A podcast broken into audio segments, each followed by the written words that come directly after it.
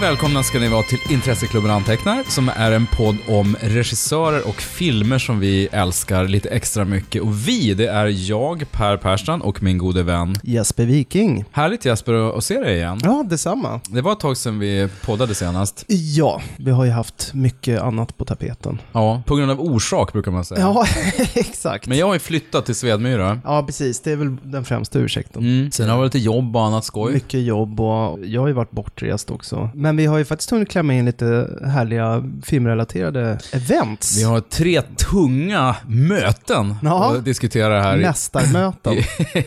Exakt, i försnacket. Om vi börjar då med att jag har mött, om man nu får säga så, jag har i alla fall varit i samma rum som Ja. Francis Ford Coppola. Just det. Han var ju hedersgäst på Stockholm Filmfestival Mm, precis. och mottog någon så Lifetime Achievement Award av filmfestivalen. För som alla Mm. vet, alla stora regissörer är från USA. Det var ju, det, det lustiga med filmfestivalen i år var att det var, jag tror bara snubbar också. Det var det. Coppola, Ken Loach, François Ozon. Ja. Jag minns inte vilka det mer var. Nej, det blev ganska Det var lite... nattståndet. Köttigt. Ja. På ett sätt var det ju det. Samtidigt, jag, jag var ju inte och såg eh, Ken Loachs nya. Nej. Men folk som såg den och var där när han introducerade var ju rörda till tårar över Mm. dels hur härlig han var och hans, hans... Det blir ju ofta som en festivalpris att man, det, det är som att få en heders-Oscar nästan. Det är en livsgärning man ska belöna och Ken Ja. Loach har gjort så jävla mycket bra. Ja, hade jag suttit i, i mitt Folkets bio, unga idealistiska Folkets bio jag, hade jag ju Ja. inte tålt att någon Kritiserade. fet och mätt snubbe satt och ironiserade över Ken Loach som jag precis gjorde. Då hade jag blivit förbannad på, Ja. på sagda person. Ja. Nej, men eh, Coppola var ju där. Han fick pris och så introducerade han eh, Apocalypse Now. Och, men framförallt så gjorde han så här face to face inför Gudfadern som jag var på. Mm. Det var mysigt. Han var lite så här stel i början, men sen värmde han upp allt eftersom snacket gick. Och det roliga var ju att pratet var ju ganska mycket om hela hans karriär, ganska lite om själva Gudfadern faktiskt. Mm. Han kallar ju den typ the 62 worst days of my life Mm. och sånt där. För han, Oj, värre än Apocalypse. jo, faktiskt. Vilket är ju ganska bra betyg. Eller Ja, ga- ganska illavarslande. Graverande. Graverande. Nej men det var ju mycket bråk med, med studion. All, allt det här är ju ganska känt liksom, så det kanske var bra att de inte snackar så mycket om Gudfadern, för det, den är ju väldigt väldokumenterad. Mm. Men han var ju ung och, och ganska grön och studion ville ju ha kontroll helt enkelt och trodde inte på boken och så vidare och så vidare. Men han snackade bara om Gudfadern 1. Det var inte Gudfadern-trilogin som fenomen. Nej, faktiskt inte. Och det var, det var som sagt ganska lite Gudfadern-snack. Det var lite karriärsnack hur han kom fram där på, på 50-talet, med, med Roger, eller 60-talet med Roger Corman och sådär. Ja. Men det roliga var att även om Coppolas, nu måste jag erkänna att jag inte sett de här Twixt Ja, ja, och, och de exakt. här senare filmerna som ju varit lågbudget och sågats rejält. Han har fått blandat mottagande Det är snälla lite det. generöst, generöst Precis. Ja. Så även om Coppola, det var länge sedan Coppola gjorde sin sista relevanta film, så Mm. var det ironiskt nog, man ska säga, när han fick prata om framtiden som han verkligen kom igång. Mm. När hans syn på vad, vad är film, what is cinema liksom, vad är film i den här eran vi lever i nu när, när liksom kvaliteten hittas i tv till exempel och Ja. Netflix har blivit en en enorm filmproducent. Mm. Samtidigt som biografmarknaden kämpar och pruttar ur sig liksom Marvel-filmer och sådär. Ja. Och så pratar han väldigt mycket om livesänd, att man kan göra livesänd tv, liksom, tv-teater. Vad spännande det vore att göra en, en livesänd film. Mm. Ifall man skulle göra det, det har han inga svar på. Men De har en gjorde, sån ju, här... eh, förlåt, det, Ja. de gjorde ju en livesänd film. De gjorde ju Grease live på tv en gång. Just det, det gick ju på SVT för inte så länge sedan. Det var ju svinbra. Mm, Och det var en live-film mm. faktiskt. Han är pigg som fan och gillar att prata om framtiden för film och sådär. Mm. Yster. Ja, nej, just det. Det var då han kom igång. Och han, han var ju, det roliga är att han, han pratade sån djävulsk Brooklyn-dialekt. Ja. Så han, jag har hört Todd Solondz också som hade Ja. mer så här pressad röst. Men, Ja, så att han, ja, nästan, han låter verkligen. nästan som att engelska inte är hans första språk. Nej. Han är ju italienare då givetvis. Men, Ja. nej, men det, det, var, det var mysigt och, och, och trevligt faktiskt. Mm. Sen eh, drog det ut så jävligt mycket på tiden så vi drog hem till barnvakten. Vi såg aldrig Gudfadern. Nej. Men jag har hört att den ska vara bra. Ja, jo, det ryktas. Ja, att, den, är- att den håller. Ja, jag tänkte, eh, apropå Francis, att eh, De filmer han är mest känd för, det är egentligen de här lite så bombastiska filmerna. Eller Gudfadern är ju egentligen ganska intima Mm. kammardrama, men, men tack vare att de har blivit så himla liksom kända så känns de Den mer känns- ja, men episka exakt, som en känns episk, episk. familjesaga. Men och, särskilt ettan. Tvåan är lite med att det är både Sicilien och det är mycket Ja. ja. kostymdrama och de här historiska bilderna från New York och sådär. Precis. Men ettan Ja. är ju egentligen, det rör sig från, de sitter i styrelserum och snackar ganska Ja, mycket. jo, Det är men lite verkligen. action, men det är, det är ju som du säger, väldigt mycket dialog. Ja, det är men det är nästan som shakespearianskt. Mm. Och så trean är ju kanske den mest storvulna av dem, Mm. egentligen rent produktionsmässigt kan jag Mm. tänka mig. Man är ju väldigt snäll om man egentligen räknar in den i Gudfaderns Man vill helst inte räkna in den. Nej, precis. Men de flesta filmerna han har gjort är ju faktiskt just väldigt lågmälda små dramafilmer. Så det känns som att det är egentligen det han är mest intresserad av att göra. Mm. Det är som att, han, att det är någon så här ok han har burit på, att han är liksom känd för de mäktiga stora Mm. filmerna, men det är, Mm. inte riktigt representativt för honom som Nej, filmskapare. Sådär. Nej. He- han någonting om det, eller var det... Nej, Bekräftade han min briljanta Nej, men det var en jättebra tes. Men jag, jag får nästan höra om att bjuda in honom igen. Ja, så får vi får, lansera jag får ringa honom helt enkelt och fråga. Det, var ju, det roliga var ju att det var ju det var en lång frågestund efteråt. Ja. Och då blir man alltid så nervös, man skriver Ja, på sig. svenskar vågar ställa frågor. Mm, precis, men folk var väldigt mm, modiga. Några satt och ropade så här, Mr Coppola, Mr Coppola. De ville verkligen fråga. Det var överlag väldigt bra frågor. Mm. Och en del ville visa att jag har sett den här filmen. Någon frågade om The Rain People liksom. Hur Ja, tänkte ja. vi där? Så att jag har sett den. Så här klassisk Styra Wallin-grej. Cred-poäng. Och det roliga var att fast festivalen ville liksom runda av så Coppola var så här, ja men nu är det fem stycken, det är du, du, du, du och du. Eller vem var det nu? Ja det var du, ja sen var det du. Och så skojade han ganska mycket med dem. Så att han var ju bra publikdomptör också. Ja. Sen har ju du varit i London också. Precis, jag var ju borta. Mötte Jag var i London. Tungviktare. Det var över Halloween, så att för jag gick och såg John Carpenter live Ah. on stage Mm. den 31 oktober. Det vill säga, jag fick höra Halloween på Halloween. Oj, vilket var eh, ganska kul. Mm. Nej, det var eh, jätteroligt faktiskt att eh, se honom. Och det var en jättefin lokal. Vi var på en sån här gammal konsertbyggnad i East End, i Stepney, som heter The Troxy. Mm. Han och hans band stod i någon sorts så här kub av filmskärmar. Så, här. så Mm. han körde låtar från sina filmer, mixat då med eh, nyare spår från eh, Lost Themes-skivorna. Mm. Men det var ju råmysigt att se Jompa faktiskt. Och framförallt med tanke på, man har ju sett intervjuer och sånt där med honom på sistone och han är ju ganska letargisk. Det är ju Mm. verkligen så här, han sitter alltid så här i någon soffa med en cigg i handen. Det är väl Mm. så här Weekend at Bernies-vibbar. Han är död egentligen. ja. Någon har satt på dem solbrillor och rör Ja. lite på Men här var armen. han jävligt i gasen och aktiv, så det var Mm. väldigt överraskande faktiskt. Han såg Nej, men jag tycker, jag har ju tyvärr inte sett honom live än då ska jag Mm. säga, men, men jag ska ju se honom när han kommer nästa gång. Mm. Eh, någonstans. Men på senare tid, när, när han har pratat om sina filmer är jag bara trött liksom. Ja, men, till men, skillnad från just Francis då, alltså, han är ju inte en särskilt positiv syn på Nej, det sin glider lätt fortsatta in. Ja, men exakt, det glider in på hur, hur havererat Hollywood har blivit och sådär. Och Mm. det var väl Coppola in- inne på lite grann, men de, han- det känns ändå som att han mer på, inne på att ta till sig ny teknik och sådär. Ja. Det jag skulle säga var att det är när han får prata om s- s- seriebearbetningar som har kommit och Mm. filmmusiken, det är då han lever upp Carpenter och blir så Mm. pigg och härlig Ja, men absolut. Ja, men han har hittat, eller fått andra utlopp kanske. Får han hänga med Cody också. Ja, exakt. Men var det mellansnack då? Ja, absolut. Han körde ju um, lite Kurt Russell-gull och det är speciellt måste jag säga att stå i en lokal med tusentals filmgeeks. Mm. Alltså det är inte så ofta man är på en konsert med den typen av personligheter som vi ändå är. Väldigt varm och mysig stämning. Och han är ju. Så himla gullig liksom. Om du föreställer dig en liten tomtefar som har klätt ut sig till Neo i The Matrix. Då har du en ganska bra bild av John Carpenter live på scen.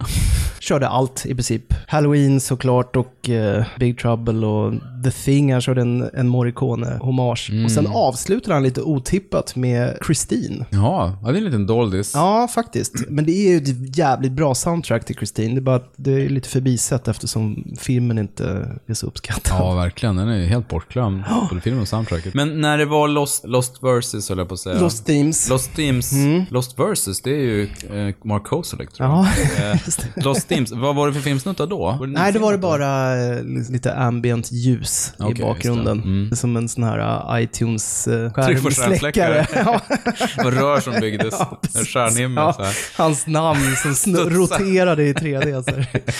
Men de Mm. var också jävligt väl mottagna faktiskt. Det var gött att höra dem live. Mm. För att man har ju bara hört dem på um, Spotify. Mm. Jag har ju köpt vinylerna såklart, Mm. men de har ju inte öppnat. Nej, nej, de, De ska bara ju... finnas. ska finnas bara.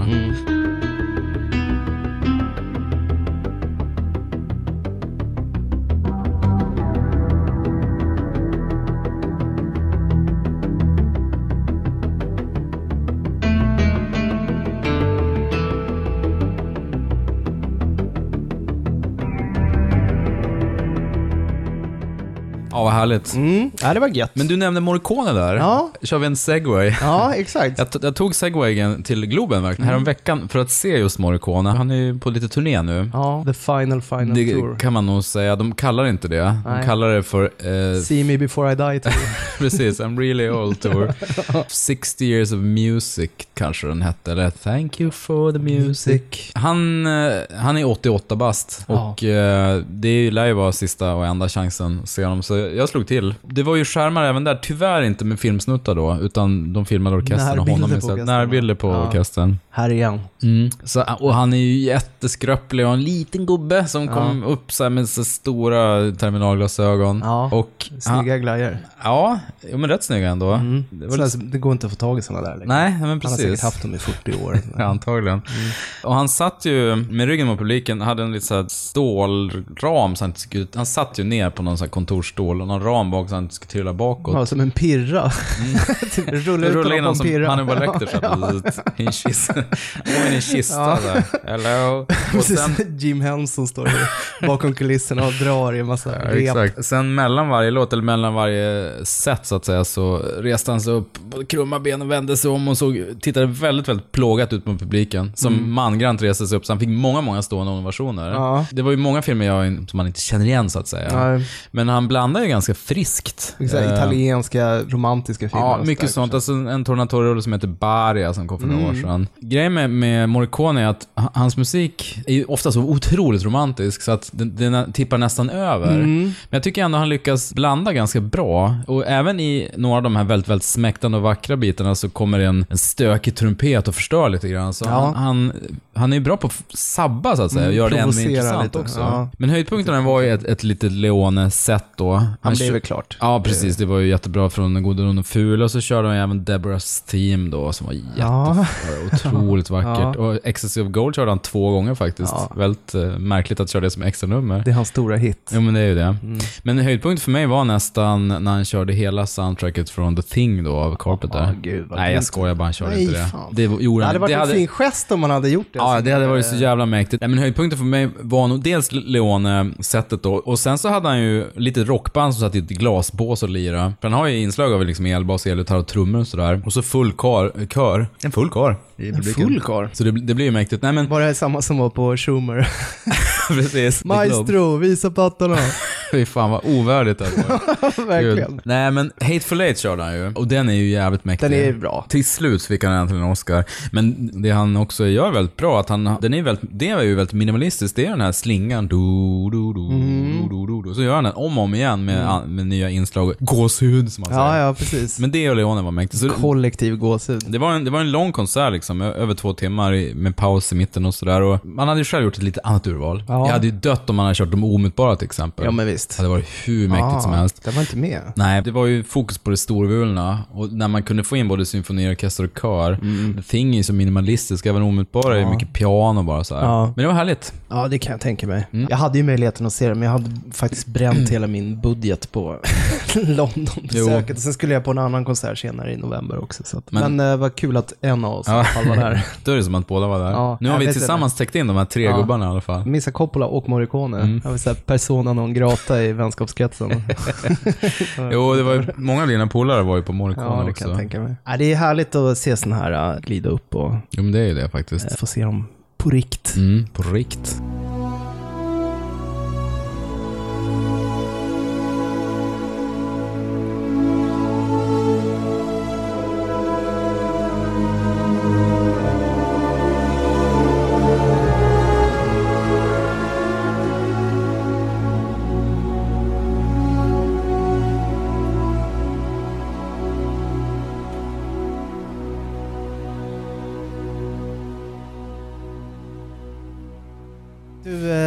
Eh, du har i alla fall eh, 2016 inte bara ett skitår. Nej, Vi fick i alla fall till det här.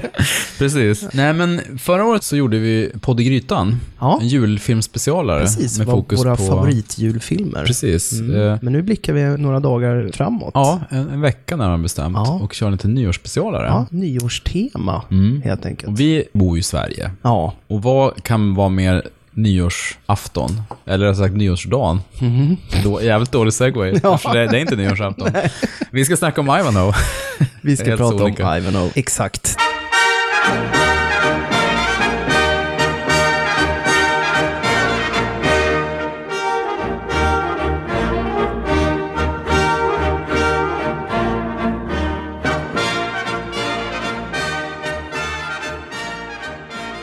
Nyår är ju en ganska speciell tid. Man gör bokslut över det som har skett, samtidigt som man blickar framåt. Mm. Och framför allt så når vi någon sorts konsensus varje år kring att den här fiktiva medeltida riddaren valde fel tjej. Ja, och att han aldrig lär sig från Nej. år till år. Nej, stenhård diss mot alla team Rowena Jo, människor där ute. precis. Team Rebecca. Mm. Team Rebecca, hela vägen. Ja, nej men vi ska snacka om Ivanhoe.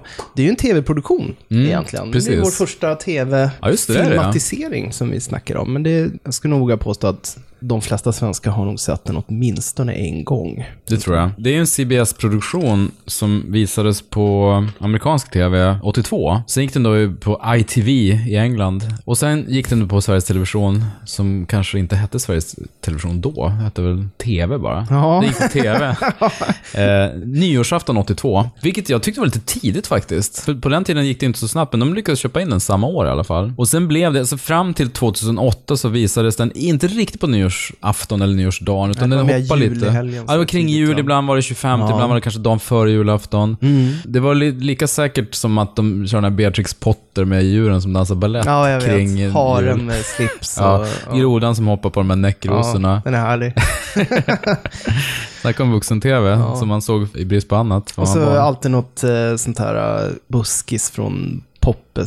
parkteater. Mm, precis. Ja. Ivan har ju sedan många år tillbaks symboliserat bakfyllan egentligen. ja, verkligen. Och nyårs, den Pizza, såsiga och- nyårsdagen. ja. Pizza och Ivan, precis. Letargi. Ligga och zona ut i en soffa och Ivan bara pågår i bakgrunden. Ja, det är ju en långbänk alltså. Den är 142 minuter. 2.20 då. Två- 2.20 ungefär. Och nu när den går på TV3 med reklambrott så är den väl fyra timmar Fyra timmar lång, ja. Det känns ju som en hel eftermiddag. Mm. Vi snackade om det här tidigare, att det kändes väldigt udda att sätta sig och se på Ivanhoe som en Mm, film. Nu precis. ska, jag- nu ska jag sätta mig och se Ja. Ivanhoe. Jag trycker på play här Ja. ser Ivanhoe. För på nyårsdagen, då är det ju mera som en sorts, ett besök från en gammal vän. Som bara hänger lite i soffan. Mm, precis. Så här, jo. Den bygger på romanen av, av eh, Walter Scott, Mm. såklart, som var en populär, ja, historisk skönlitterär författare. Mm. Han skrev Rob Roy också, bland Just annat. det. Och den handlar ju, som de flesta vet såklart, om eh, konflikten mellan saxarna och normanderna. Mm. Handlingen i halvkort Ja.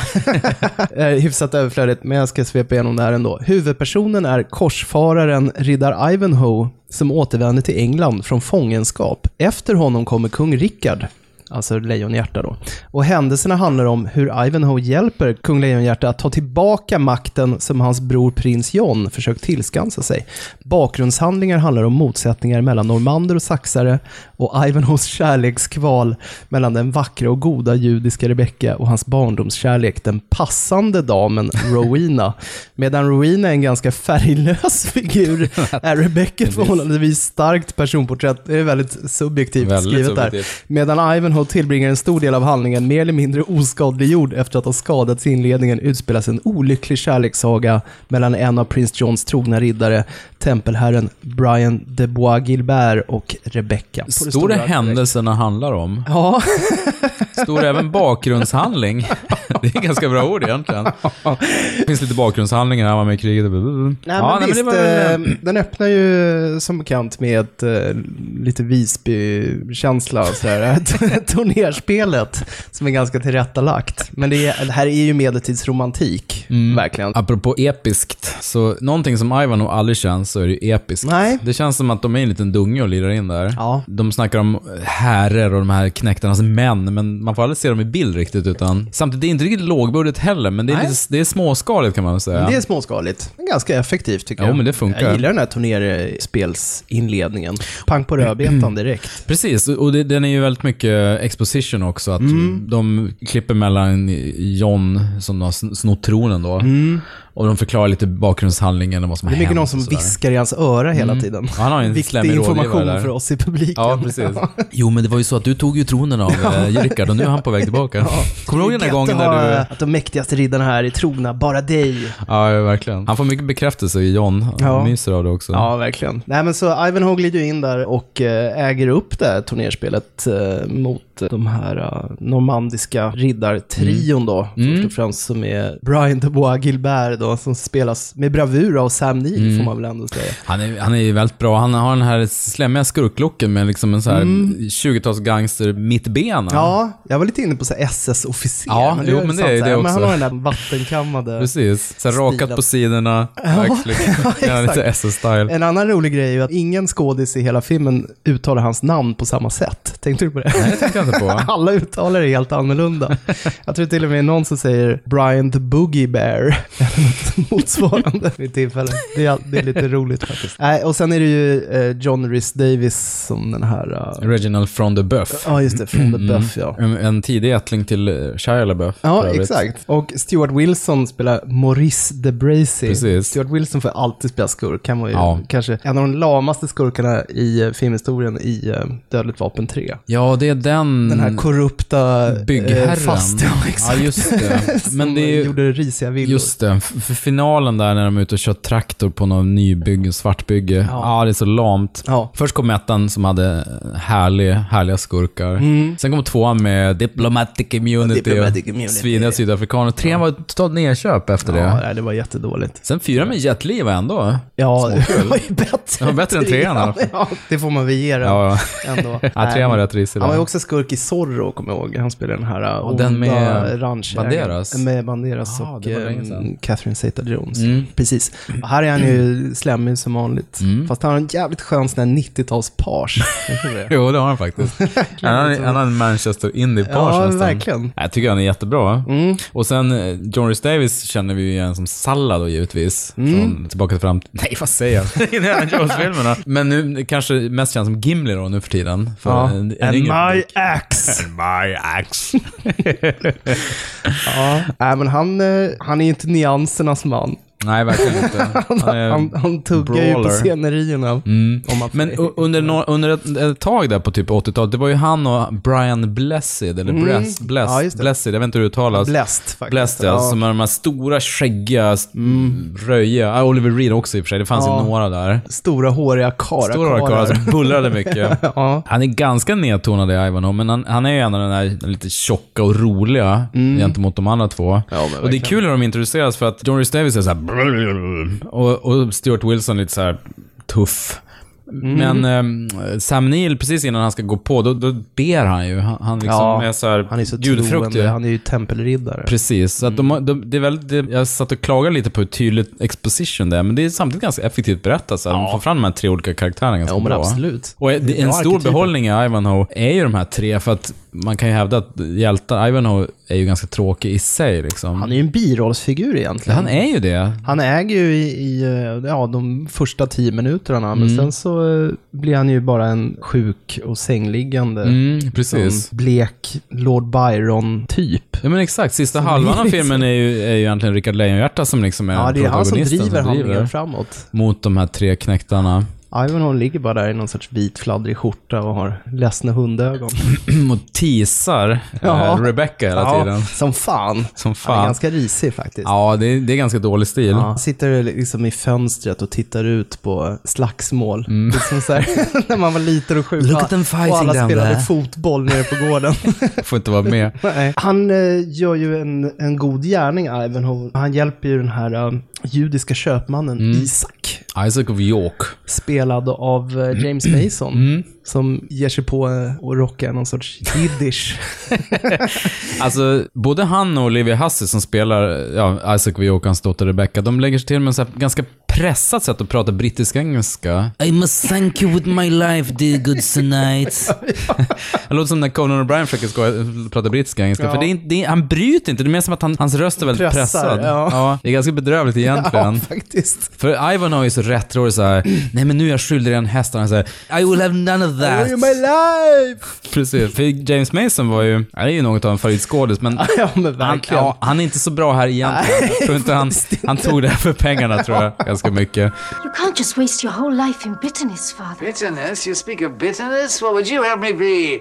Our Lord and Master, Prince John, demands twice the contribution I gave him last month. Contribution. It's a ransom. But surely King Richard will return to England and resume his throne. What difference does that make to us, Richard or John?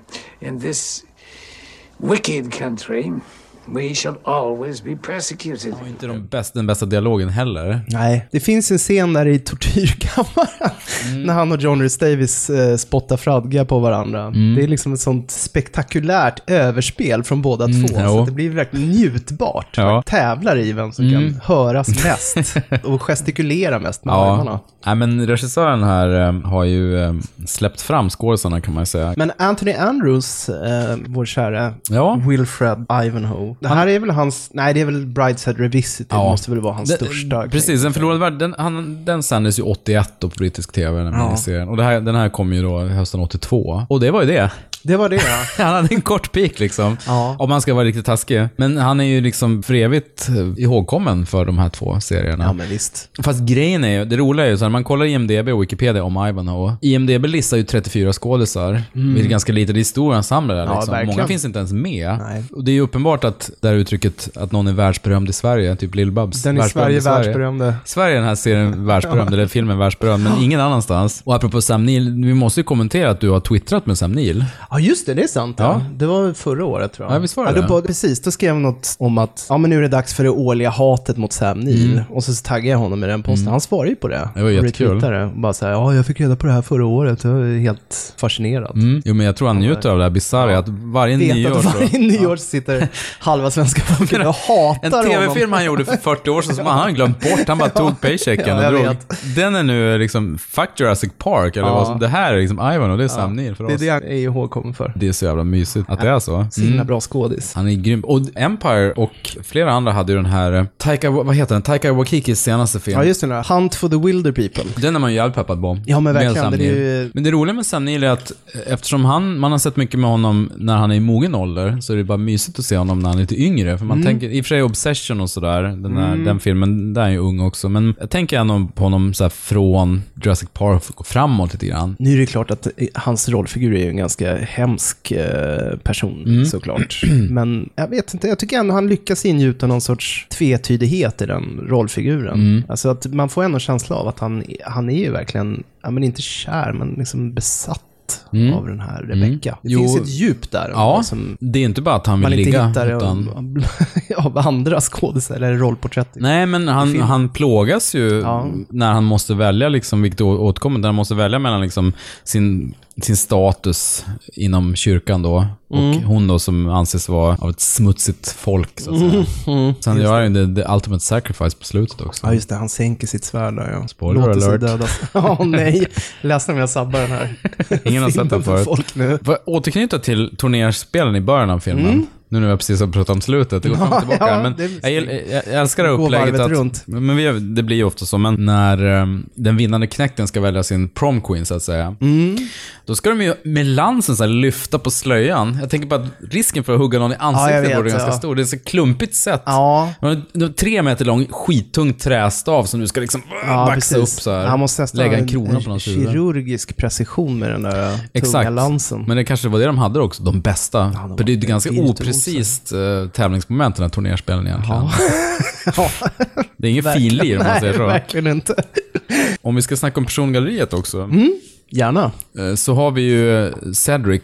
The Saxon. Norman Dogs. Alltså, det jag inte riktigt, eller klart jag hade fattat det, men nu när jag såg om den så blev det så uppenbart hur mycket den handlar om fördomar och rasism. och Ja. så då, vilket känns ju ständigt aktuellt. Ja, verkligen. Nu mer än någonsin, tyvärr. Never Då. goes away. Nej, det gör ju inte det. Och jag hade faktiskt glömt att det är en berättarröst både i början och på slutet Mm. som liksom, det här är en berättelse om rasism. Så säger det nästan. Det är väldigt beskäftigt så här. Det är det här det handlar om. Motsättningar. Nej men exakt, och, och jag tänkte nog på Cedric eh, som en, eh, som då är Lady Rowenas förmyndare så att säga, och Ja. pappa till Ivanhoe. Men eftersom Ivanhoe drog iväg och, och korstågade, så har han ju förskjutit honom, vilket Mm. Ja. han tjatar om så här. Ja. I have no son. Son.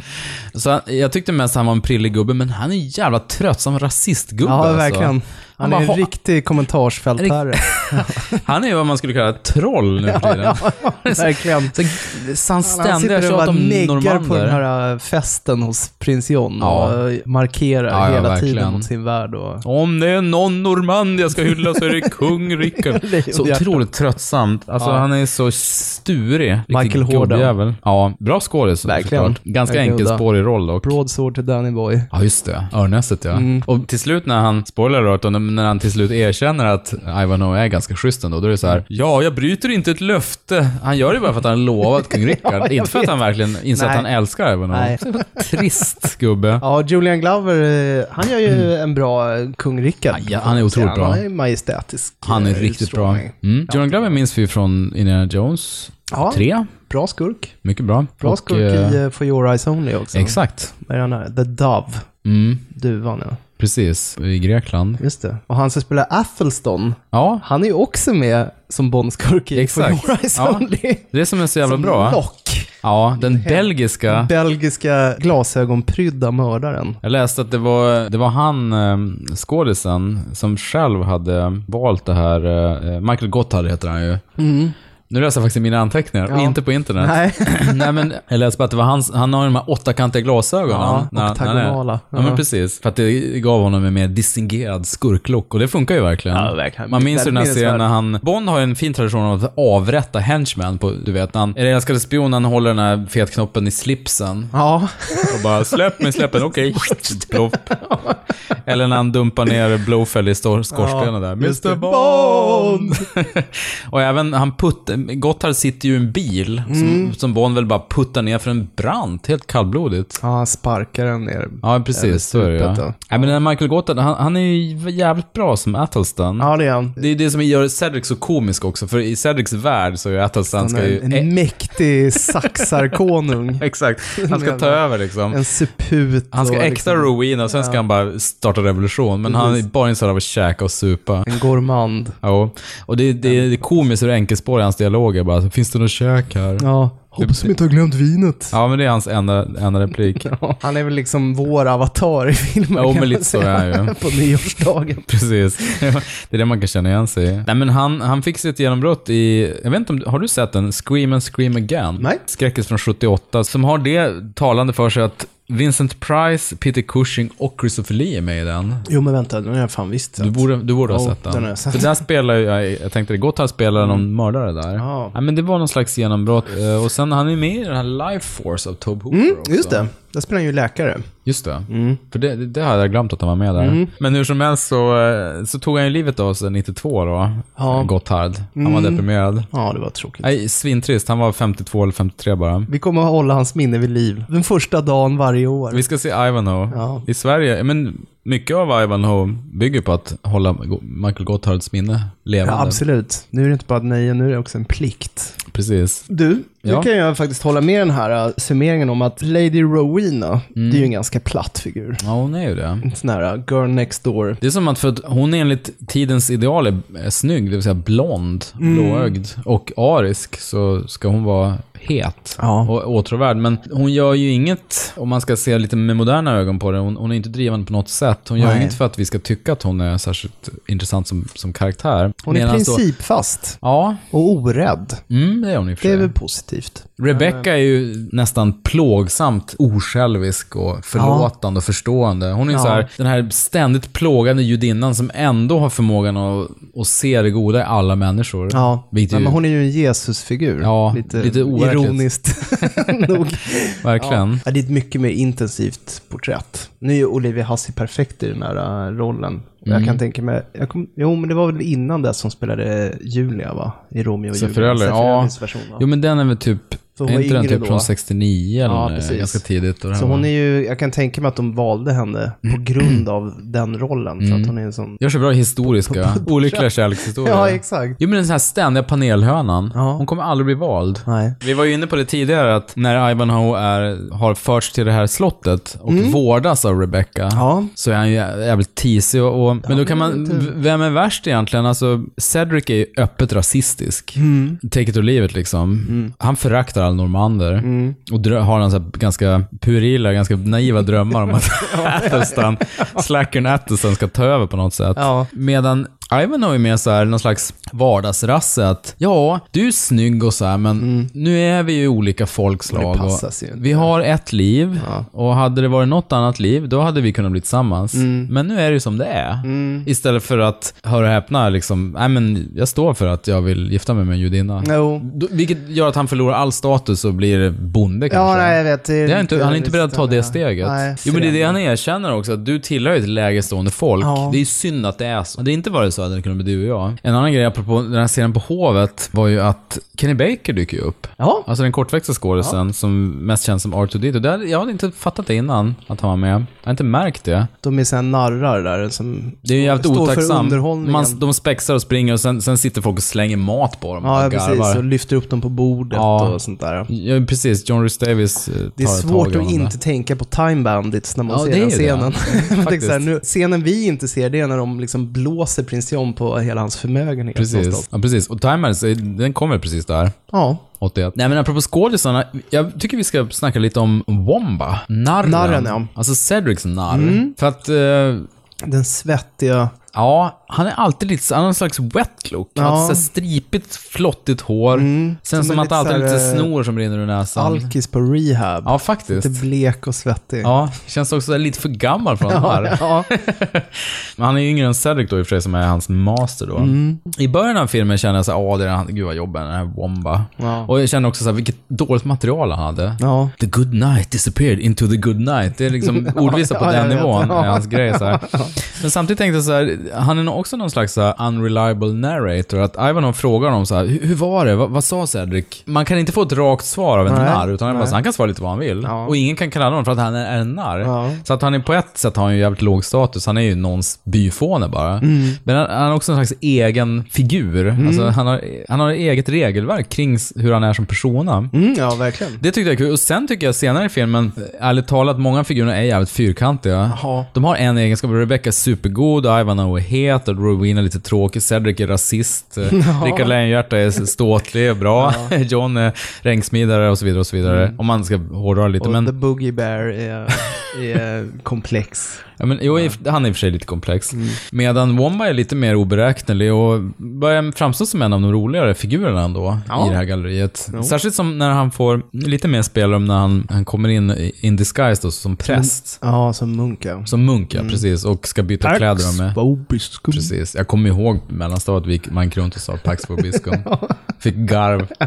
Billiga garv. Pax Vobiscum. Löket. Allt du behöver säga är Pax Vobiscum. Det jag stör mig mest på är att han behåller sin narrmössa innanför munkåpan så det plingar hela tiden när han går. Det tänkte jag på. Det är ganska dåligt egentligen. Ja. Ganska risky. Ja, faktiskt. Nej, men jag tyckte, jag tyckte han var bra. Jag kollade upp den här skådisen, George Innes som han hette. Han var med i Dick Turpin. Kommer du Ja. ihåg den? Ja. Och Shogun också. Ja, det här har jag bara läst på IMDb, jag minns inte honom från dem. Jag kom, Nej. det enda jag kan minnas honom från är ju det här. För att återkoppla till Sam Neill där, det är ju lite kul eh, när de är belägrade där i eh, Fronte Buffs borg Mm.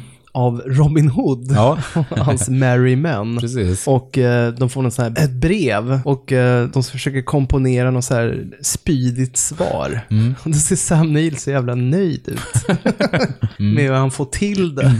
med sina riposter. Mm. Ja, det är faktiskt en jätterolig scen. Och sen när Richard får svaret så är han så här, nej de bluffar nog tror jag. Ja. De kommer inte avrätta dem. Så han kan ändå genomskåda dem. Men det är så här battle of wits mellan Ja. de här. Det är härligt. Ja, det är fan härligt. Eh, Jag kommer ihåg från när jag var liten, man, en sån här badtunnescenen tyckte man var mysig. När Sam Ja. Neill och Stuart Wilson sitter och badar i en ång, stort jävla kar. Ja, just det. Så kommer John Rhys Davis och bara nu måste ni komma för nu ska vi slåss. Så drar de ner honom i karet. Just det, med kläderna på. Kläderna på, han kommer upp och bara... Jag vet inte om jag hade något mer att säga om det. Mer än att det är lite så här eh, konsten att piffa upp en, bara en, en informationsscen Ja. egentligen. Hur gör man den lite Det lustig? är väldigt lustigt. Ja, men kan göra sådär. Jag vet, vet inte, det kanske kommer från boken, men det känns som att det kanske är något. Tror jag inte. Nej. Robin Hood kan vi nämna också. Ja. Eh, väldigt stilig. Stilig, en förfinad Robin Hood. Men jag tror, om det är ett problem, problemet kanske är att en grej som gör att även hon känns lite så här billig är ju att alla har nya fina kläder på sig. Mm. Det här klassiska historiska dramat att ingen har något som känns patinerat. Nej, Utan allting det är känns som att sytt idag. ja, nytt från kostymavdelningen. Men exakt, och det kan man kanske köpa om det är kung, eller prins John då, som bor på hovet och, och byter kläder. Men, Men inte när skogsfolk nej, som, som bor... Isaac of York har haft sin jävla mantel i flera veckor. Han har inte råd att tvätta den. Nej. De, de borde vara lite så här skava, skaviga och skitiga, men det känns som att det kommer direkt från ITVs kostymateljé. Men Robin Hood är väldigt så här Ja. ansad. Errol, Errol Flynn, ansad, har den här fina hatten på smäck. Han en väldigt raffinerad dialekt också.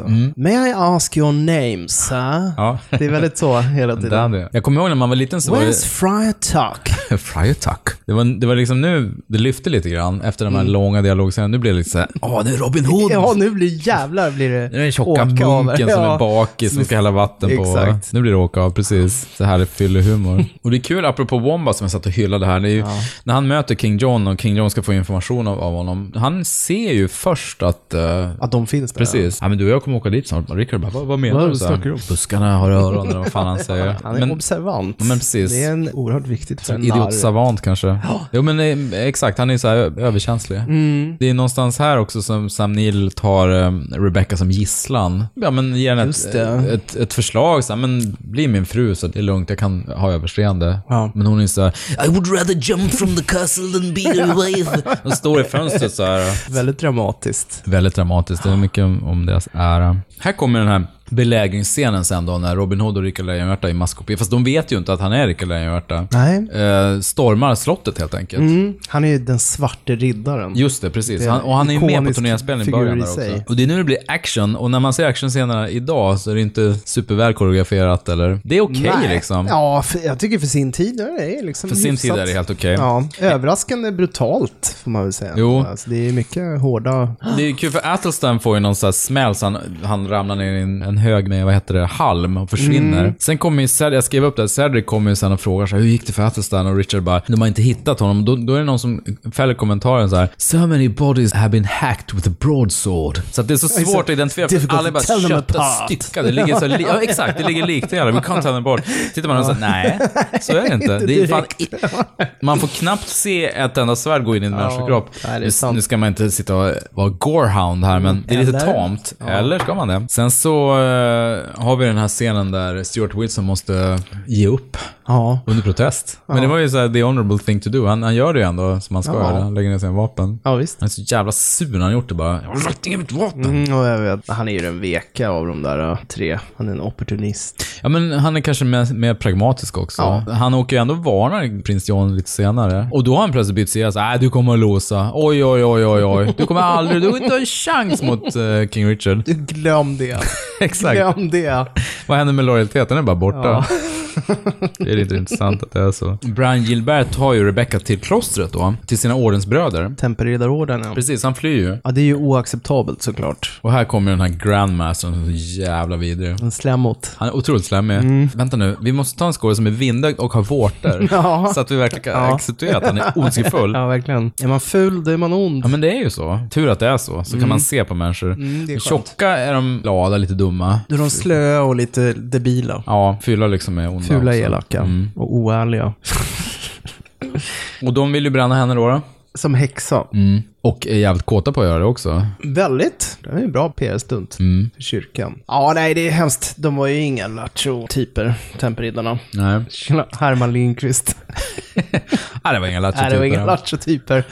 Det är ju väldigt eh, dramatiskt där i rätten. Ja, det är en skenrättegång. Mm, lite så är det. Jo, men avsikten är hela tiden att få börna henne. Ja, Om man inte då erkänner, fast då blir man bränd ändå. Typ. ja, exakt. Men då får hon så här syndernas förlåtelse innan hon dör. Nej, men då kommer ju Sam Nils ehm, offer så att säga. Han förstår ju till slut att enda sättet för Rebecca att få leva är att han måste dö. Att han måste dö. mm. Så han ställer sig i någon slags Kristus Christ Ja, han kör. Willem Dafoe där. Exakt, så en väldigt svag Ivanhoe kan... Jag tar för att trycka in svärdet i magen på han. Ivanhoes andra insats på två timmar och 20 minuter. Ja, Ivanhoe, som du sa, han är mäktig i början när han är superskicklig turnerspelare. Sen är han skadad och sen lyckas han, bara för att Sam Neill ger sig, döda honom. Han är ju mer än någon sorts katalysator egentligen för händelseförloppen.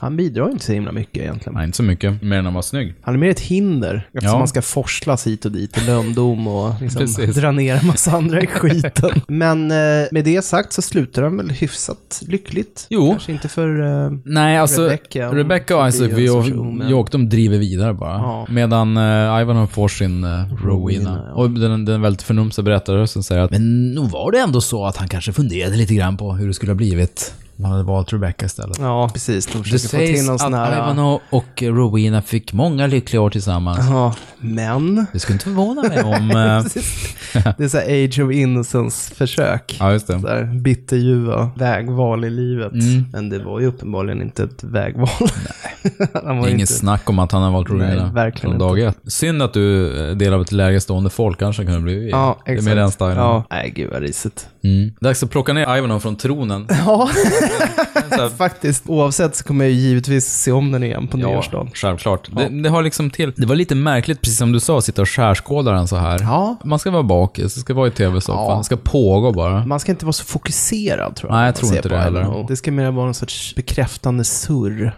i bakgrunden. Mm. Medan man fipplar med telefonen. Spelar Candy Crush. Exakt. Det blir mycket mysigare då. Ja, detta om Ivanhoe. ja, Ja, jag har inte kollat tablån, den finns inte ute, men jag utgår från att TV3 kommer köra den på nyårsdagen. Undrar vad det kostar att köpa reklamplats på Ivanhoe på nyårsdagen. det är nog ganska mastigt. Det är nog ganska många tittare ändå. Ja, det tror jag. Det är nog inte så mycket, vad heter det, alltså man får kanske inte en ny publik. Nej, jag tror inte en, en, ny, en nyfiken ung eh, filmfantast exakt. får för sig att kolla på Ivanhoe från 82. Det Men vem vet, det kanske de gör. Ja, vem vet. det är ju bra skådisar. Så Mm. att det, det sägs ju att den är härlig. Folk vill ha det här. Det är trygghet. Visst är det det. Det är ju en del av eh, jul och nyårstraditionen, precis som eh, kalanka och Det är en julskinka. tidsmarkering gröt. också. Det hjälper oss att dela upp året i sina olika delar. It was told by all that Ivanhoe and fair Rowena lived long and happily together. Yet one can't help but wonder if fond memories of Rebecca did not reoccur to Ivanhoe's mind until the very end of his days. Ja, men Ja. vad gött. Men du, eh, ska vi gå vidare då och kanske snacka lite om våra topp tre nyårsfilmer? Ja, men det gör vi. Vi eh, har förutsatt oss att välja våra favoriter som utspelar sig kring nyår helt enkelt. Mm. Eh, Där nyårsscenerna har någon form av vikt för handlingen. Precis, på mer, mer eller mindre mindre. ansträngt vis. Det finns ju en större flora av julfilm än nyårsfilm, får man väl ändå säga. Ja, visst gör det det. Det finns inte så jäkla många nyårsfilmer. Nej, nyår dyker ju ofta upp just som ett, ett viktigt skede i många filmer, dock. Även om de inte är så centrerade kring Mm. högtiden i sig. Men nu är jag jättenyfiken att höra på vilken din trea är. Ja, min tre är The Apartment. Ah, Billy Wilder. Precis, Ungkarlslyan, Billy Wilders film med Jack Lemmon och Shirley MacLaine. Just det. Ja, men Jack Lemmon gör ju egentligen sin paradroll som en uh, hunsad... Mild-mannered accountant, eller vad han nu är. för något. Ja, men han är en hunsad kontor, kontorsslav under sin chef då som spelas av Fred McMurray från, som vi känner igen från uh, Ja, Double Noir, Indemnity. ja, exakt. eh, är väl Noir framförallt. Han har, gjort, han, har, ja, han har gjort mycket annat, men där är han så jävla bra. Han är väldigt bra på att spela komedi också. Mm. Gör den här lite så här Don Draper-liknande, spåniga chefsfiguren som har en slags självklar auktoritet fast han är ganska Mm. självupptagen, pundig. Ja, men självupptagen, ja. lite pundig ändå, men tar för sig liksom. Lite för övertygad om sin egen förträfflighet. Exakt. En Medans- narcissist helt enkelt. Ja men exakt, medan Jack Lemmon är den här undersätsiga men e- e- egentligen betydligt smartare figuren Ja. som ändå är hunsad och inte riktigt kan ta för sig. Som han är oöverträffad i att gestalta, Ja, han gör det så jävla bra. Det är ju rätt frustrerande, för det är så jobbigt. Ja. För man sidar ju givetvis med Jack Ja, Lemmon, det är så tungt. Men han blir då förälskad i, i Charlie Shirley MacLaine som börjar jobba där på samma jobb som Ja, hon är hiss- sekreterare. nej, Hi- hissflicka, just så va? är det. Mm. Mm. Och eh, eftersom eh, Fred McMurray är någon slags häradsbetäckare så Ja. Ja, usch. ja. lägger han namn på Shirley MacLaine också. Slem-chef. Mm, precis, som ska ha allting bara. Ingredient number one a very warm, very wonderful story about a boy, a girl, and a very special kind of problem. Did you hear what I said, Miss Kubelik? I absolutely adore you. Shut up and deal. Ingredient number two a brilliant cast. Jack Lemon in a delightful role which gives full rein to Jack's amazing versatility. Shirley MacLaine, whose glowing warmth lights up the screen like a Christmas tree. Fred McMurray. This is a Fred McMurray you've never seen before. You know, you see a girl a couple of times a week just for laughs, and right away they think you're going to divorce your wife. I ask you, is that is that fair? No, sir, it's very unfair, especially to your wife. Yeah. Handlingen är kort från eh, den eminenta sajten filmtipset.se. Försäkringstjänstemannen C.C. Baxter skulle förblivit helt okänd på den stora firman om inte fyra avdelningschefer hade behövt ett bekvämt ställe att dra sig tillbaka till med sina respektive älskarinnor. Det blev Baxters våning de inriktade sig på och detta trasslade till hans relationer med den märkliga hissflickan Fran. Just det, det är så det. Han lånar ju ut sin lägenhet som en slags knullya för de här cheferna. Middle management typ. Ja. Precis, de kan ta dit sina sekreterare som de ska ligga med så inte fruarna har någon koll på det Ja, riktigt. I gengäld så ger de honom bra omdömen va? Mm. Så att han ska kunna avancera i... Men även, Karriären. ändå avancera lagom, för de vill ju ha kvar honom på Ja, en bekväm position. Ja, han, han kan inte komma allt för högt ändå tror jag. Nej. Så han är på något vis ganska låst Han är låst. där. rävsax. De typ kallar honom för buddy boy hela tiden, Mm. så här nedlåtande. Kör med honom. Ja men han, han är ju så hunsad som sagt. Nej men det är en jättefin komedi och Mm. eh, det, det är ju den här klassiska scenen när han firar nyårsafton och man silar spaghetti genom ett tennisracket och sådär. Ja, just det. Och ehm, Ja. det är väl ingen spoiler att han och Charlie McLean får varandra på slutet. Men det, båda de två är så otroligt, så otroligt bra. Rörande. Ja, det är verkligen en rörande kärlekshistoria. Det är också fint, och som Billy Wilder var så himla bra på också, det här att det är en på ytan ganska så här glättig, eh, harmlös komedi, men det finns hela tiden någon sorts så här stark underström av ganska starka känslor. Som man även ser i Sunset Boulevard till exempel. Och ganska mörka känslor i den här filmen som, som ligger under ytan hela tiden. Och det var ju Jack Lemmon väldigt bra på att gestalta också. Mm, han har ju den nerven. Jo men det är, det är ingen garvkomedi, den är ju den är mörk som sagt. Men jävligt välspelad och med jättefint slut också. Snyggt fotad. Ja, Som alltid när det är. Billy Wilder. Charlie MacLaine är ju en väldigt speciell skådis. Vi har inte snackat så mycket om henne Nej, alldeles egentligen. lite. Men vi har inte direkt tagit upp den filmen hon har varit med i. Nej. Hon har ju varit med i många av mina favoritfilmer. Ömhetsbevis till exempel. Postcards from the Edge. Du, när ska vi ha James L. Brooks-podden? Det måste Ja, vi just ha. det. Det måste vi ha. får vi snacka om Broadcast News också. Precis. John Lithgow får vi snacka om också. Jeff Daniels. Ja, bara bra skådisar. Deborah Winger. Mm. Nu listar jag samtliga skådisar i Ömhetsbevis. Jack Nicholson och... MS-bevis-podden. ja, nej men Ungkarlslén, det är ju Ja, självklart. eh, Det finaste tycker jag egentligen med den filmen är ju också att Jack Lemmons rollfigur och Charlie McLeans rollfigur, de blir ju tillsammans på slutet, men de är aldrig särskilt romantiska genom hela filmen, utan det är mer som att de har liksom en sorts, men jag vet inte, en öm, öm vänskap. Sådär. Det är inte som att de Mm. Ja, men de är kanske mer pussas eller tar på varandra. De ja, exakt. De, finner varandra ja, på något de sätt. Mm. finner varandra. Det är ganska återhållsamt. Är inte stora kärleken på en gång. Eller den här Nej men de är aparta i jag. den här ganska fyrkantiga corporate-världen. Som är så ytlig och... Det är en väldigt liksom, försiktig Ja, romans. Precis. Ja, gud jag måste se om den. Mm, ja, men de, de två är liksom spröda i en ganska så här cutthroat-värld. En ganska cynisk värld. Nej, gjuten eh, Men- klassiker. Det var ju min trea. Faktiskt. Mm. Men nu är vi nog många som undrar, vad har du för trea? Ja du, min tre, det blir faktiskt Rosemary's Baby. Ah, Roman Polanskis paranoia-gryta från 1968. Mm. Kanske inte ett eh, självklart nyårsval, men den kulminerar ju faktiskt på nyår. mm, minnesvärd scen på nyårsafton. Oh. Oh, it's a wonderful apartment. I love it. See what she's trying to do? She's trying to get you lower the rent. Are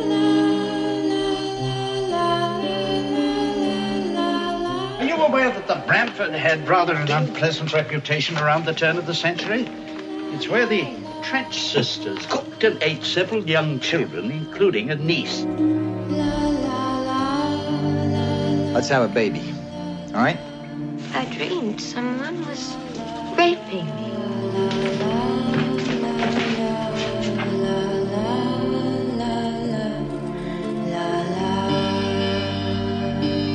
Dr. Hill, there's a plot. I know that sounds crazy. You're probably thinking, my God, this poor girl is really flipped.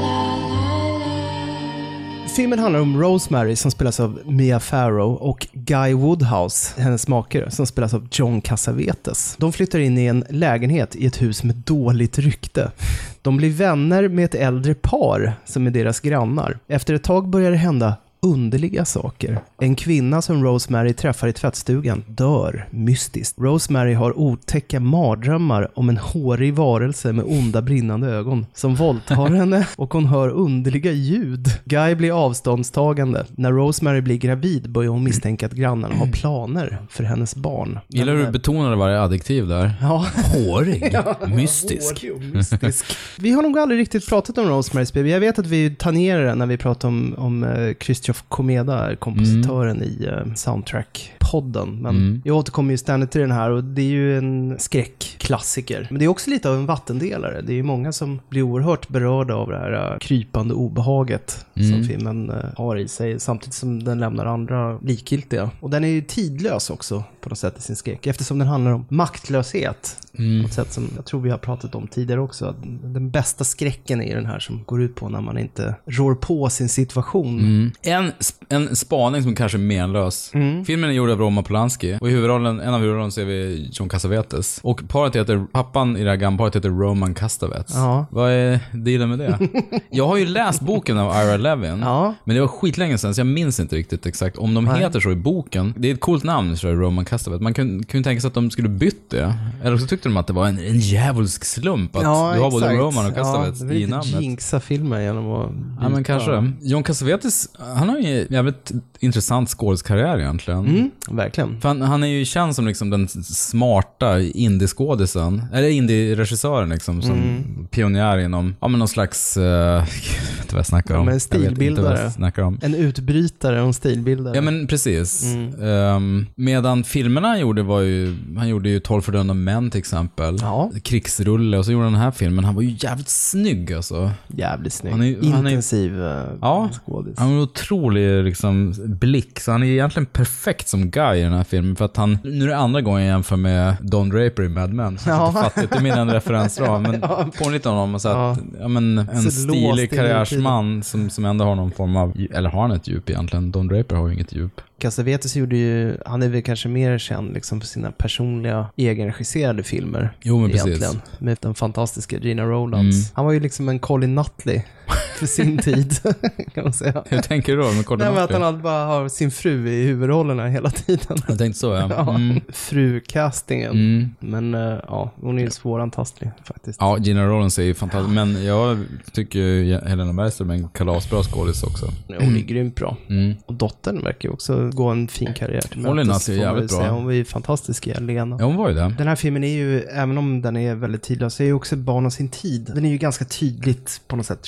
könspolitisk. Alltså Mm. för om man skalar bort allt det ockulta så handlar det ju väldigt mycket om en, en kvinna som är en fånge i sitt eget hem Mm. egentligen. Och hon blir kontrollerad och eh, manipulerad och styrd av alla i sin omgivning. Mm. Hon, hon är en egendom Mm. som maken på något sätt utnyttjar som han vill för att avancera i karriären och livet. Mm. Men den enda självständiga gärningen hon gör i hela filmen det är att klippa sig i den här korta. Vidal Sassoon-frisyren som han då självklart hatar Mm. jättemycket. Mm. Så att den är ju, det är väldigt mycket en film om förtryck. Viset, Precis. Som, som resonerar än idag såklart. Och sen så är det ju så fantastisk cast. Jag menar, Mia Farrow, ju- har hon någonsin varit bättre än i den här filmen? Jag menar, gör så otroligt bra, eller nyanserat porträtt av en vettskrämd själ. Mm. Och den börjar ju så himla rosenfärgat. Jag menar, det är väldigt rosatintat allting när de Mm. flyttar in och är nykära i den här äh, lägenheten i Mm. The Bramford Building. Mm. Den här lite nedgångna lägenheten. Och de har liksom framtiden framför sig. Och så blir det bara sakta och säkert sipprar vardagen in liksom och de här äh, maktstrukturerna. Och så stöter de på det här äh, äldre grannparet då. Som Och ett Castavets. av Minnie and Roman Castavet. Som spelas av Sidney Blackmer och eh, Ruth Gordon. Precis, Ruth Ja. Gordon som vi kommer ihåg från Harold and Maude. Exakt. Och de är ju fantastiska. De är ju häxor då. då. Mm. Man inte vet i början. Men det finns någonting väldigt bekant över dem. Alltså de är ett sånt där excentriskt äldre par som de flesta av oss har stött på. Många av oss har ju säkert haft grannar eller folk i huset eller i närvaron som man ja, men skrattar lite åt när man är själv. Vad tokiga de är eller varför håller de på sådär? Men det gör dem så himla trovärdiga på Mm. något sätt. De, de är realistiska på ett sätt är jävligt obehagligt. Mm, Att de också mm. är, är så jävligt manipulerande och onda.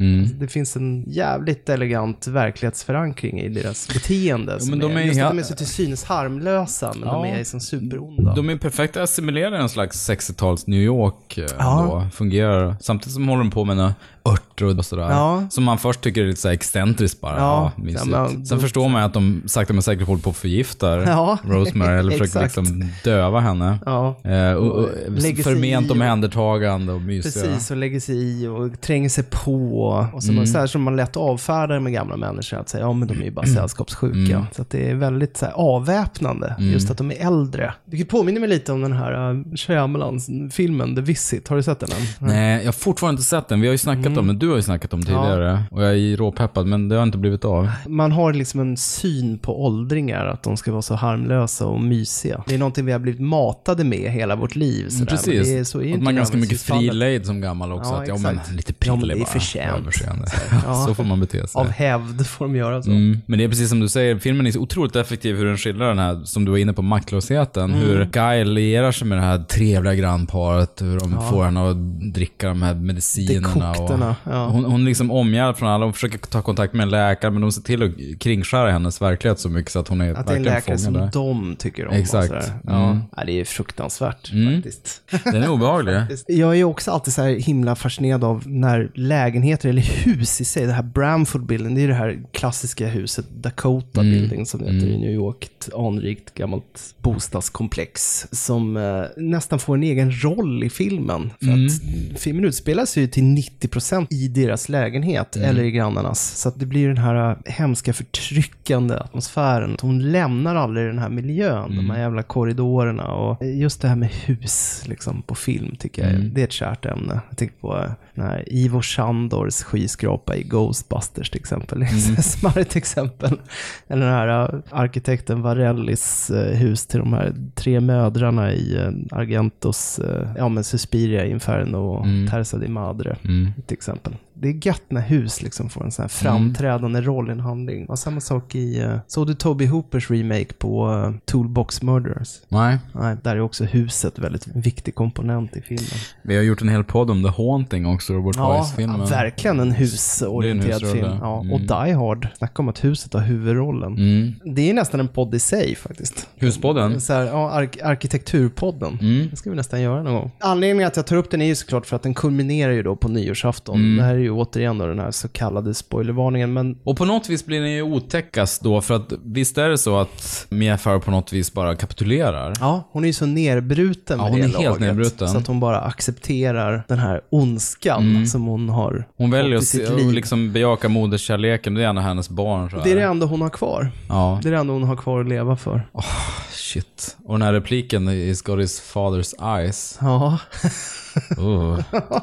Det är inte så mycket ren skräck i den här filmen. Det är just den här drömsekvensen när hon eh, blir våldtagen då. Mm. Och det är också så typiskt för tiden också. Det här att hon tar ju upp det här sen med läkaren och maken säger så här. Ja men eh, okej hon sov men vad då? Jag är hennes make. Precis. Äktenskapsvåldtäkt, då är det okej. Mm. Ja, exakt. Jag får göra vad jag vill med Mm. hennes kropp. Otäck eh, film. Eh, min tre Ja, bra trea. Min tvåa är vi framme vid nu tror jag. Mm. Då väljer jag en film som heter Strebern. The Hudsucker Proxy. Exakt, Det är min också. Är det? Det är min två också. Nej, är det sant? Ja, faktiskt. Okej, ja. Eh, Det här är Bröderna Coens flopp kan man ju säga. Ja, det gick inte så bra. Det gick inte så bra, men paradoxalt nog, är- nog är det en av deras absolut bästa filmer. Jätte, jättebra. Som ju är en, eh, ja, men en, en, en genreövning, en slags hyllning till eh, alla Preston Sturges-filmer, alla Screwball-filmer. Ja, Screwball Billy. Wilder ja. och hela, hela den 40-talsgenren så att säga. Där de till och med har, har, alltså dialogen är anpassad till det. Det är många reportrar som snackar fort Ja. och är väldigt wisecracking. Jo men exakt, det är ju speciellt Jennifer Jason Lee som har den här Catherine Hepburn-rollen. Mm. Hennes samspel med ehm, Bruce eh, Campbell. Bruce Campbell, ja precis. Hey, what gives? What gives? de snackar på så här stiliserat 40-talssätt som Ja. någon människa kanske aldrig har snackat i verkligheten. Men Nej. som de gjorde i typ Samlarket, nej inte Samlarket Hot, men vad heter den? Det ligger i blodet, His Ja. Girl Friday den, här typ, den typen av gamla klassiska Ja, screwball-filmer. men den är ju rolig för att den så skamlöst vältrar sig i att vara en uppenbar pastisch. Verkligen. Så den försöker ju inte liksom förklä det på något sätt, Nej. utan här, den vill verkligen vara en film som är gjord på 40-talet nästan. Och det är ju en scenografisk våt dröm. Ja, Den är så verkligen. fruktansvärt genomarbetad och Art snygg. deco-runk verkligen hela det är vägen. Otroligt i kläder och, och liksom scener, scenerier. Han är ljuvlig. Den är ljuvlig. Otroligt bra skådisar. Otroligt liksom bara snabb, kvick från Mm. början till slut. Once upon a time, the American dream was power, wealth, and success. But in the city that never sleeps, the American dream is about to get a wake up call. Just got hired today. You know, entry level. But I got big ideas. When the president and owner of 87% of the company's stock drops, then the company too has a problem. What we need now is a new president. Some jerk My leg is on fire. we can really push around. Yo! Yeah, you, boss! This letter was sent down this morning by the big man himself. Sit down, son. Go ahead. Try it on. Did the Fortune City own idea, man, when they promoted you from the mailroom? Well, I guess so. I don't think they promoted me because they thought I was a schmo. The guy's a real moron. Älskar alla de här montagen som finns i filmen. När- eh, Tim Robbins... Ska vi dra ett synopsis förresten? Ja, Vi brukar kan vi göra det. Handlingen är kort då. Samma dag som Norville Barnes, spelad av Tim Robbins, börjar på postavdelningen hos Hudsucker Industries beslutar sig vdn för företaget, spelad av Charles Durning, att hoppa ut från fönstret på 44 våningen. Den varande styrelsen beslutar sig för att låta priset på företagets aktier sjunka så att de kan ta över Hudsucker Industries. Detta ska göras genom att man låter någon som är totalt inkompetent leda företaget. Det är nu som Sidney J. Musburger, styrelseordförande på Newman, möter Norville Barnes och karusellen är i full gång. Mm. Ja, bra skrivet faktiskt. Älskar det här upplägget när man ska köra ett företag i botten genom att anställa någon nolla. Ja. Så det blir ju aldrig så. Nollan visar sig vara- ha någon slags street service så det blir Ja. ändå succé. Det är som ombytta roller ungefär. Ja, precis. Det finns ju eh, lite sådana filmer. Nej men jag, som jag minns det var det här kanske första gången man fick eh, upp ögonen för Tim Robbins. Om det inte var typ i, i Bob, Bob Roberts. Om det var tidigare kanske. Mm, ja, Eller om det var i The Player of Altman. Det var, det, tidiga 90-talet var liksom Tim Robbins. Det var Tim Robbins årtionde. Ja. Halva årtionde. Ja, han hade några år där. Nej, men det, fin- det finns, som i alla Coen-filmer så finns det så jävla mycket att glädjas över. Alltså de, de, Allting efter Howard the Duck var väl ett steg bort. Framåt Tom Rob- Robbins, Ja. Tim Robbins. Oh. Nej men apropå Coen, de är så jävla kvicka när det gäller både manus, när det gäller foto, när det gäller klippning, musikläggning. De hade en så pass hög budget så att de lyckades realisera det här 40-talsbygget till punkt och pricka. Det ser ju jävligt snyggt ut och de losar en massa pengar på den här filmen också. Ja. Det kan man skita i nu. Nu, nu är det bara helt fantastiskt att se. Ja, den är underbar. Det är just han, Musburgers, alltså Paul Newmans rollfigurs kontor. Långsmala, mörka, ödesmättade kontoret med den här stora Ja, klockvisaren visar. som bara rör sig och bildar någon sån här skugga över Mm. heltäckningsmattan. Ja, det är så himla Mm. Fint så att man bara Ja men det är ju det. De, de har ju skildrat den här arbetsplatsen som slags Metropolis-liknande Mm. monolit bara, som Ja. börjar i brevrummet längst ner som en slags helvetisk plats Ja, precis. bara. En skärseld. Och sen går det uppåt, uppåt och Gud sitter längst upp liksom ovanför molnen nästan. Ja, och har kontroll över tiden. Ja, precis. Han kontrollerar tiden. Mm.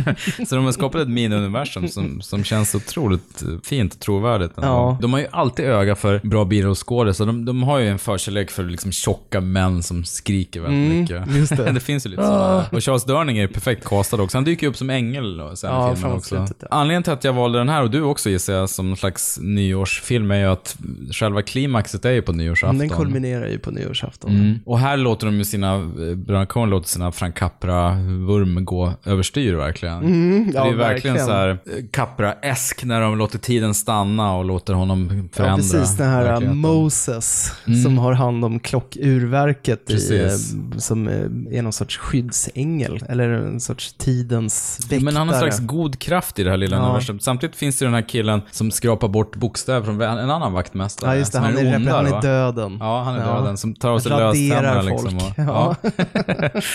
och så fightas med den här goda kraften. Ja. Det är så jävligt snyggt. Ja, det är jättefint. Hela den här premissen att han uppfinner rockringen. Mm. The wacky circumference. Mm. och allt möjligt de försöker kalla den första. The daddy O. The daddy O. ja, men det kan ni ju kolla på YouTube om ni inte har sett det, men det montaget när de forskar fram den här rockringen, Mm. det är så bländande. Ja, det är. De fyra minuterna var det. Ja. Klippningen, musikläggningen, fotot där, det är så jävla snyggt och det är så Bröderna Coen när de är som allra, allra bäst verkligen. Mm. Det är frenetiskt Mm. och packat med humor. Och Tim Robbins, återigen då, han gör den här typen av roll som en slags så här, Blåögd, storögd, eh, blåögd, eh, hapless. Lant, lantis som Precis. eh, kommer till storstan och ska Som ändå har en slags... göra ett avtryck. Ja, han har lite bra idéer. Och han drömmer ju verkligen om att bli någon. Ja, Jennifer Jason Leigh är en ganska cynisk Mm. reporter. Hennes Catherine Hepburn-imitation Mm. kan ju vara lite Ja, det kan- det- ansträngande det skaver emellanåt. lite grann kanske. Ja, Mm. Men hon har ju fått den regin liksom. Hon gör ju, Hon gör ju rollen till Ja, fulländning, så det är inte verkligen. henne man ska klaga på. Nej. Det är ju Coens i Utan så de fall. vill verkligen att du ska vara så här. För att hon har ju ett väldigt forcerat sätt att prata. Ja, man köpte det i 40-talsfilmerna. Ja, men precis. För man har trodde ett kanske att folk pratade så. överseende då, för att Ja. ja. så var det då. Mm. Nej, men hon är ju jättebra också, Mm. såklart. Vad är det hon kör den här Muncie Eagles-ramsan? Go Eagles! Go Eagles! Ja, precis, hon låtsas ju komma från samma småstad som honom för att nästla sig in och sen det klassiska att hon blir kär i honom på riktigt då. Men när han får reda på att hon bluffar så blir han ledsen och sårad. Såklart. Det är så fint det här, den här finalen på nyårsafton. Nej men har ni inte sett Hudsucker Proxy så måste ni göra det. Och den tål att ses om minst en gång om året. Absolut. Och Paul Newman är ju ändå, han hanterar materialet väl. Han, Mm. han är inte direkt känd som en komedisk skådespelare. Sådär. Han är ju en, eh, jag menar, en förstälskare och en Mm. mm. macho skådis. Men jag tycker han gör det här bra. Liksom. Absolut. Han spelar en bra, självupptagen pump. Ja men såhär cigarrtuggande larger than life Ja. figur. Ärkegirig, Mm. lite såhär Potter-aktig från Mm. eh, It's a wonderful life. A wonderful Precis life. apropå Capra, för det är väldigt mycket Capra då i den här Väldigt filmen. mycket Capra. Han säger sure sure hela tiden för att han Mm. typ lyssnar egentligen inte på vad någon säger. Utan det är bara hans automatiska respons på. Mm. Så fort någon öppnar mun så bara sure sure. De har ju en förkärlek för en sån här chefstyp, om man tänker på Barton Fink också, de här Mm. Hollywood executive-typerna. Mm. Give me that Barton Fink feeling. Precis. Michael Lerner där, de, de lyssnar egentligen inte, de är bara så inne i ett stim så här. Ja, Charles Sterling är också så fin. Den scenen när han hoppar ut genom fönstret där i, Mm. i början är också så otroligt vacker. Han sitter här i otroligt mäktiga styrelsemötesrummet, Mm. flankerad av ja, men, anonyma Massa kostymgubbar. Ja, precis. I ett så här aslångt, superpolerat sammanträdesbord Mm. och tittar ut genom det här panoramafönstret och så ser staden kallar honom Mm. på något sätt. Mm. Det är men, jo, men precis, det är som att han hör någon slags lockrop. Det är inte som att han tar ett beslut, han bara, nej men det, jag måste göra det här. Nu har jag nått toppen. Mm. Det finns inget kvar. Och så älskar jag att det är berättarröst i filmen också. Ja. Det är så mysigt. Och det är som en saga, så att det funkar ju bra med berättarröst. De gör ju gärna det. Big Lebowski, samma sak. Mm. Once there was a man. Just det, Sam Elliot ja. Ja, kan du få en bättre berättarröst? Nej, det går, Elliot. det går inte. Jag hoppas att Sam Elliot lever när jag dör för att då ska han, jag ska lägga allt, hela mitt arv på att få honom till min begravning. Hålla en, en eulogy Hålla- på din Ja, begravning. exakt. Hålla ett litet tal. Det vore mäktigt. Jävla mäktigt. Om man inte har sett uh, Streben, Mm, som den så fint heter på svenska. Proxy, så bör man absolut ta sig Ja, an den. Och det finns gjort. få filmer som ger just den där, uh, ja men Capra, Wilder, Lubitsch, feelgood-känslan. Det är verkligen feelgood för att Ja. just nyårsnatten, där allting blir väldigt stilla och det faller liksom magiskt snöfall och allting stannar upp och tiden står ju stilla också som du sa. Mm. Så att de måste slåss där onda mot god. Det är så fint. Så det är mysigt. underbart. Härligt andra, andra val. Vi bara myser här. Mm. Men om jag räknar rätt så är, det, så är det jag igen då. Nu är det min etta, eller? Ja. Vilken är den ultimata nyårsfilmen? Jösses, vad du lägger upp det här. Nej men, när jag funderar på det här så, så det var en film som dök upp direkt. Den som känner mig vet direkt vilken film det är. When Harry Met Sally av Rob Reiner. Ja, givetvis. Och det, det är ju en film som utspelar sig under många, många år. Eller egentligen, det är ju, först är det ju några episoder under några år när de här två figurerna, Harry och Sally, träffas. Och de är ett verkligen omaka par. De grälar egentligen bara. Och sen så har de lång, lång flörtperiod och sen blir de tillsammans och så går det åt helvete och sen så kulminerar ju filmen, precis som Nora Ephrons favoritfilmer, An affair to remember till exempel, Mm. på nyårsafton, vilket säkert är en hommage, då Harry egentligen konfronterar Sally och har den här fantastiska monologen om att när du vet att du tillbringar resten av livet med någon, då vill du att resten av livet ska börja nu. Det är så himla fint. Ja, jättefint. Jag får nästan tårar i ögonen Ja, när jag jag tänker på det, för det är så Ja, det ser jävla jag. fint. Sitter båda med ytspänningar nu. Exakt. Jag fick något i ögat. Nej men det, är- det är så otroligt bra. Och alltså, har vi pratat om den här filmen i någon podd? Jag tror inte det. Vi kommer ju köra några från podd Det måste eh, vi någon gång. An affair to remember, det är väl egentligen Sömnlös i Seattle? Ja, precis. Det är, det är ju en lång hommage. Ja, det är ju det. Ja, nej, hon är förtjust i det här temat. Jo, men hon är ju det.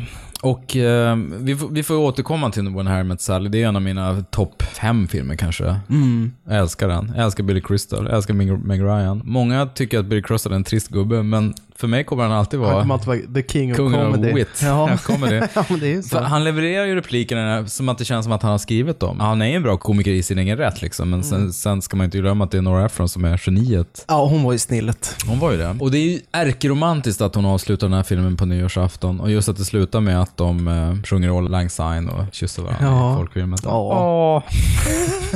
Vilket år kom den? 89.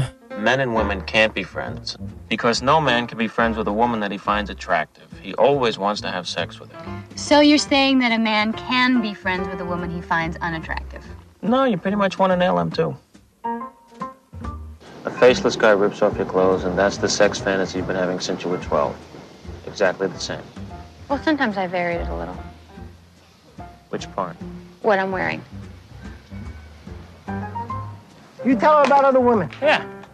Like the other night. I made love to this woman, and it was so incredible. I took her to a place that wasn't human. She actually meowed. You made a woman meow?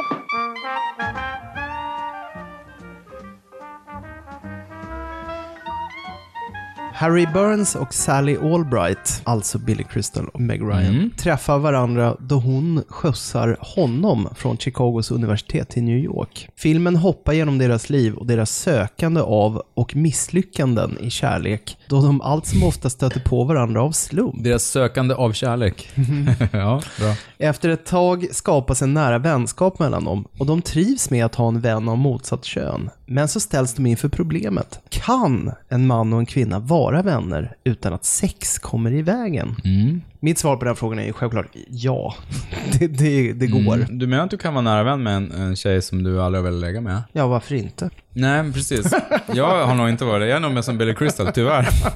Lite mer enkelspårig. Ja, ja. Men grejen är att under den här bilden, det är då de lär känna varandra. Ja. Fast de tycker ju illa om varandra. Alltså han tycker hon är så präktig. Och hon tycker ju han är så supercynisk. För han har ju sin monolog där om att, vet du varför jag aldrig skjutsar någon till flygplatsen? Mm. För att eh, efter ett tag så går förhållandet i stå och, och då frågar hon så varför skjutsar du aldrig mig till flygplatsen igen? De, de Mm. Det känns så superamerikanskt också när man måste flyga ganska mycket. Mm. Det känns att det funkar dåligt i Sverige egentligen. Varför skjutsar du inte mig till Arlanda? Men du kan väl åka med SL? Ja, det är en jämförelse som... Men det funkar ju i filmen givetvis. Nej men det jag skulle komma till var att under den bilfärden, de 10 minuterna, 15 minuterna, den dialogen som finns där. Alltså en, normal romcom på 90 minuter skulle vara glad om den hade så mycket bra dialog Ja. under hela sin speltid. Ja. Men Nora Ephron bara brassar ut Ja, det i början av filmen. Det är bara med, början av filmen. vet. Sen, sen fyller hon det med hur mycket roligt som helst. Nej, men Romcom dog ju lite med Nora Ephron, tyvärr. Mm, hon var ju mästaren. Hon har ju en efterföljare vid namn Nancy Myers. Mm, som har gjort en del bra grejer. Mm. The Holiday tyckte jag var ganska lökig, men uh, What Women Want också med Mel Gibson. Mm, Ah, sådär, ja, det är hon ah, också. nej. Men hon har gjort en del bra grejer och hon är ju, jag vet inte om det är uttalat att hon är någon slags romcom queen. Romcomen säljer väl inte lika bra heller som de gjorde kanske på 80 och 90-talet. Nej. Det här får vi nog återkomma till när vi kör Ja, några tror det. Efron-podden tror jag. Det- Mm. Det är ett eget snack i sig. Men, eh, nej, men det är ju sån här film där allting bara klickar. Mm. Rob Reiner, är perfekt regissör, jättebra kostade skådisar. Superbra. Ett suveränt person- manus. per- Persongalleri. Bruno Kirby, Carrie Fisher. Oh, oh. Som det andra paret i filmen man följer I egentligen. will Deras- never want that table. Ja, hans... hans I'm a writer, eh, I know dialogue. Hans... Alltså, eh, han har ett kvarn, vagn- ett kvarn, vagnhjul. med glas på. Så jävla fult. Ja, det är så jävla fult. Verkligen såhär man cave-bord. Jo. Nej, det, fin- det finns så många scener att, att prata om så vi får nästan återkomma till det. Och det är så trist också att både Bruno Kirby och några från eh, har lämnat oss. Kirby är ganska länge sedan också. Han var ju, Mm. apropå Morricone, han var ju väldigt bra i Once upon a time in America också. Och City Slickers då. Just det. Med, apropå Billy Crystal. Jakten på... Det försvunna leendet. Nej, Bra men- originalmusik också av Harry Connick Jr. Just det. Mm. Mm. Storstadsjazzigt. Ja, den kvalar också in som en av de ultimata New York-skildringarna Ja, också. verkligen. Det är som ett kärleksbrev till New York. Mm. Det är så mycket Brownstones och Central Park och Macy's höll jag på att säga och ja, allt. Den scen som etsat sig fast mest i mitt huvud i Harry träffade Sally, det är när Billy Crystal sitter i sin stora loftlägenhet som Mm. de alltid har i New York. De har helt overkliga lägenheter. Stora fönster. Han sitter på golvet och kastar spelkort i någon liten skål. Mm. Och han har på sig en sån här oerhört tidstypisk stickad tröja. Som är så här vit, väldigt utstuderat. Cosby-tröja? Ja, den är så himla som ett litet konstverk i sin Ja. stickning. Mm. Ja, Det var så himla typiskt för den perioden. Mm. De hade de här väldigt speciella tjocktröjorna. Ja, men faktiskt. Och, och han har ju lite så Seinfeld-kläder också. Ja, basketsneakers och Tajta eh, jeans. snötvättade jeans. Någon slags polo kanske. Mm. Och Mm. lite så här hår, tuperat hår, eller alltså nästan hockey där bak. Fönat. Ja, Säljer verkligen in den. verkligen. De som inte har sett den undrar bara, vad fan, vad sitter de och snackar om? Det, allting bygger på att man gärna älskar filmen och då gör man ju det. Ja. Så att vi kan inte sälja den till någon ny människa överhuvudtaget. Nej, men det, det är en varm och rolig komedi. Ja. Rob Reiners säkra hand vilar över en. Nora Underbar New. York-känsla. De gör Nora Ephrons manus stor rättvisa. Mm. Också en fantastisk eh, nyårsscen. Det är ju bara en, en, del av filmen, men jag tycker hon knyter ihop säcken så himla fint. Ja, men det är ju där, det är ju katarsis. Ja, men det är ju det. På nyårsafton. Och det är det här klassiska, istället för klassiska romcom-grejen är att du måste springa ut till flygplatsen för att stoppa den. Ja, han, han, han kutar ju genom New York istället för att hinna Mm. den här festen där, där hon är på, när han har insett så här, "Nej, men jag älskar ju henne. Och så är det så fint någonstans också hur hon skildrar äktenskapet och den livslånga kärleken som något så väldigt fint. Att hon har ju, he, hela filmen är ju... Inklippt. Exakt, de här paren som sitter och- Intervjuer Mm. med gamla gifta par. ja. Precis. Mm.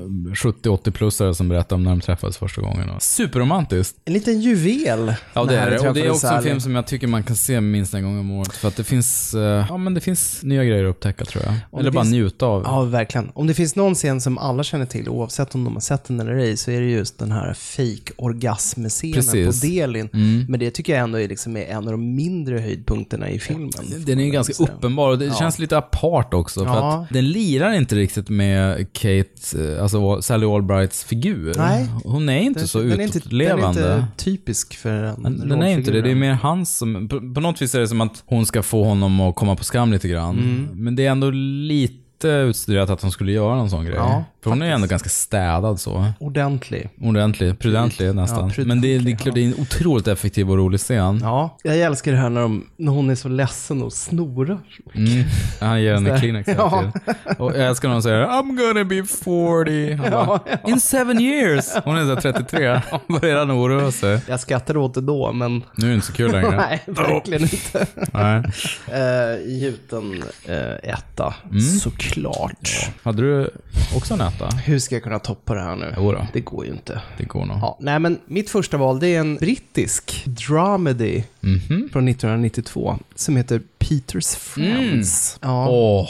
Det är en bitterljuv nostalgiresa Mm. om en grupp universitetsvänner som återbesöker varandra tio år Ja, senare. de har hunnit bli lite så 40 plus. Ja, eller? ja, Knappt ens sena det 30, kanske. jag tror snarare sena, 30-årsåldern. ja. Det var 20 år sedan de slutade. Det var ju någon sorts hang-up just eh, på 90-talet det här kring, i och för sig The Big Chill, den amerikanska filmen, mm. Castans Människor emellan. Oj, oj, oj. Generiskt. Som den hette. Ja. Det var ju den här oerhört populära tv-serien 30 something, kommer du ihåg den? Den var ju på ja. 90-talet också. Mm. Men den, den bygger ju också på den, den här klassiska som många amerikanska filmer kan bygga på, att man peakade någonstans i college. Så här. Allting Ja. var, livet var som bäst när man var 18-19. Exakt. Och skriver man inte under på det, då kanske man inte riktigt förstår. Nej. Fast för det här gänget, självklart är det att de, de, alla de, de träffades för att de spelade tillsammans va? Precis, de hade ju en sån här... Uh, Revyskådisensemble. Ja, exakt. Väldigt brittisk eh, privatskoletradition. Att man ingår i någon sorts teatertrupp Och, och tillsammans. var det inte så de träffades? Alltså Hugh Laurie, Kenneth Branagh, Emma Ja men Thompson. exakt, Att de, de är, spelade det är så teater. känner man. Det är därför filmen känns så trovärdig, att de är gamla vänner.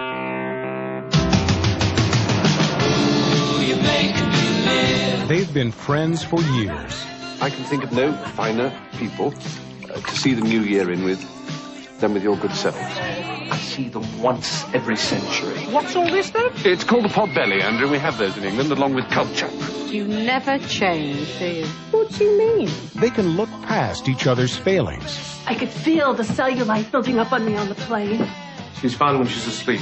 I heard that! Thank you, darling. They can forgive each other's mistakes. You are stuck in a recurring pattern. You know those mice that go round on those little wheels? Imagine one wearing a tight leather skirt. We can't all have our lives figured out as well as you do. And they can admit their secret passions. Peter, fill me with your little babies. Oh my God! But can they survive a weekend in the same house together? Faith has never been very interested in women. You slept with Sarah.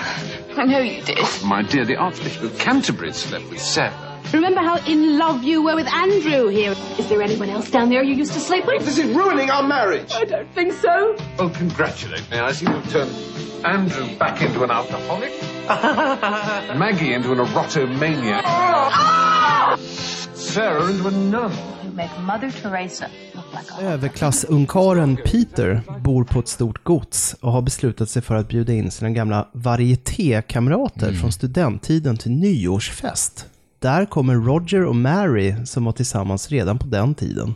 De har fått tvillingar, men den ena har dött. Mary är hysteriskt rädd för att något ska hända det återstående barnet och hon ringer barnvakten en gång i timmen. Sarah har gjort sig känd för att byta män ofta. Nu kommer hon i sällskap med den vulgäre Brian. Andrew kommer med sin kalorihysteriska fru, tv-stjärnan Carol. Maggie kommer ensam, men på desperat jakt efter lämplig man. Just det, det är Emma Thompson. Ja, det är Emma Thompson. Mm.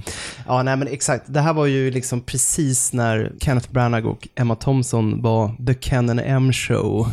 När de dominerade nöjeslöpsedlarna i eh, Hollywoodpressen. Uttrycket the lovies, Ja, The Lovies. kom det då ungefär? Ja, det var ungefär då. Som var lite så här, ömsint, lite sarkastiskt också, men Ja. lite kärleksfullt. Mm. Men att det var lite gulligt så Det här, för var att en de var intern krets Mm. av ja, men, teaterskolade eh, brittiska skådespelare. Ja, men precis. Jag började garva för att vi som gillade indiepop och läste Melody Maker, det fanns det här uttrycket “the scene that celebrates itself” som syftade på typ Ride och Lush och Slowdive.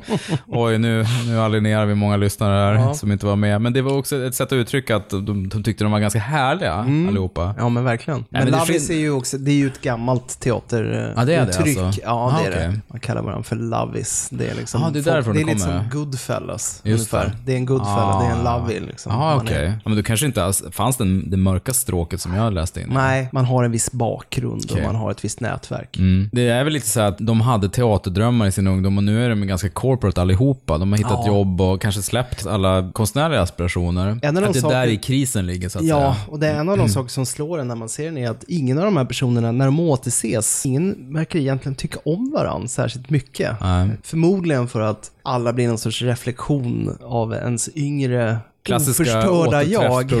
ja, men då. exakt Mm, så här att du påminner mig det. om den tiden Mm. du hade de här ambitionerna och, och kolla var jag hamnade nu. Mm. Det, det blir obehagligt helt enkelt. Mm. Men det är ju oerhört eh, fint att se. Stephen Fry gör ju en kanonroll här till exempel. Ja, alltså för mig tror jag att det här var introduktionen till Stephen Fry, fast man Ja. hade väl sett Svarte Orm innan tror jag. Det hade man nog gjort. Där han var och då såg man ju även Hugh Laurie innan dess. Mm. Men alla de här kände ju varandra sedan tidigare. Så Mm. Det gör ju deras vänskap desto mer trovärdig i filmen Mm, också. mm. Det märks på något sätt. De Ja, kan är- varandra ja, ja. I, i dialogerna. Att de, Mm. de riffar på varandra så Mm. himla bra. Mm. Men den skrevs ju, manuset skrevs ju av Rita Rudner, den här amerikanskan som Kenneth Branagh är gift med i Mm. filmen då, som är Mm. den här vulgära sitcom-skådisen då, som dyker upp på det här godset. Hon var ju en hyfsat stor stand-up-komiker. Mm. Nej, men jag, kommer, jag blev förvånad när jag förstod att det var hon som hade skrivit manus. Jag tänkte så här, men det, här, det är väl typ Stephen Fry och Kenneth Branagh Ja. Emma Thompson som skriver manus. Ja. För att de, de är så, som du sa, då, så samkörda. Men det var Mm. hon som hade gjort det. Ja. Ja. vad hände med henne sen? Det, Jag vet inte. För alla de andra har ju bort. haft storslagna karriärer. Ja, verkligen. Jag menar, Kenneth Branagh är ju såklart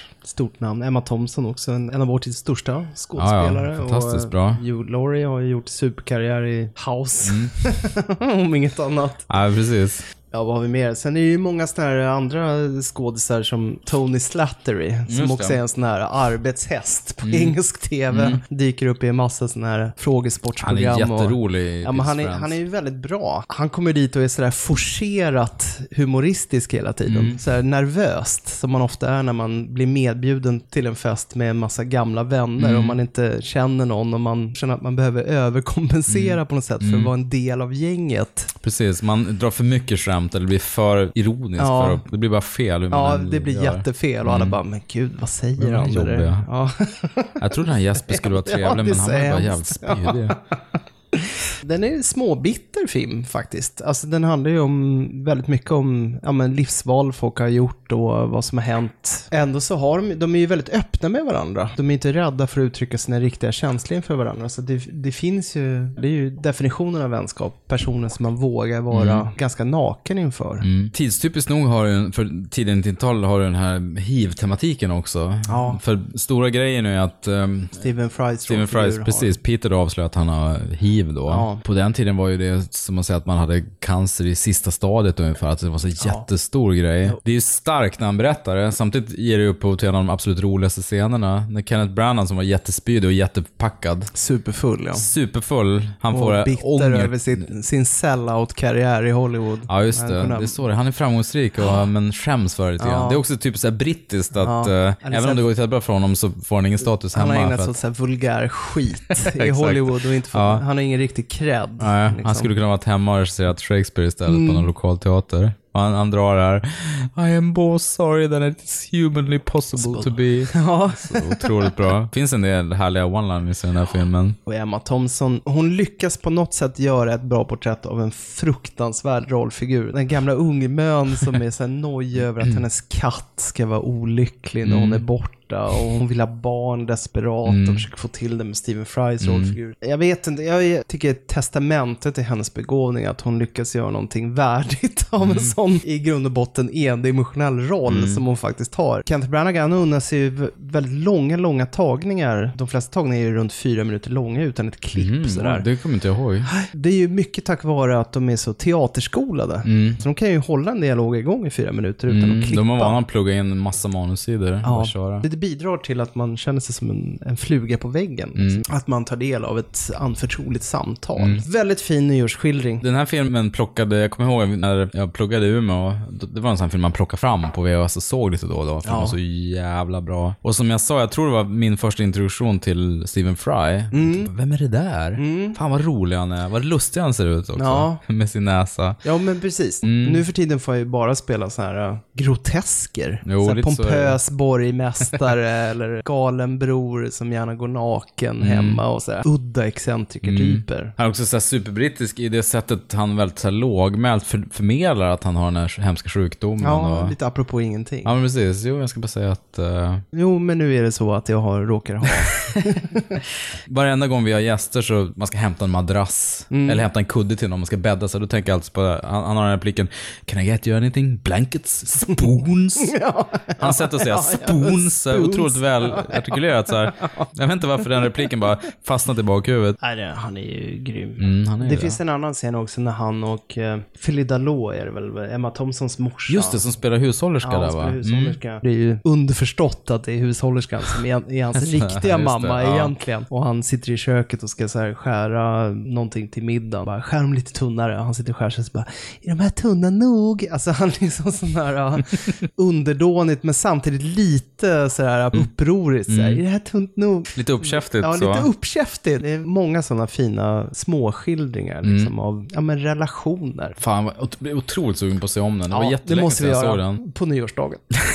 Nej, men fantastiskt val. Alltså, jag, Ja. jag, som sagt, jag blev väldigt peppad på att se om den. Hade du någon bubblare? Ja, eh, det hade, jag hade ju ombytta roller såklart. Men Ja. den har vi snackat om Jo, i men jag hade den också, men vi har snackat om den också tänkte jag. Merry New Year!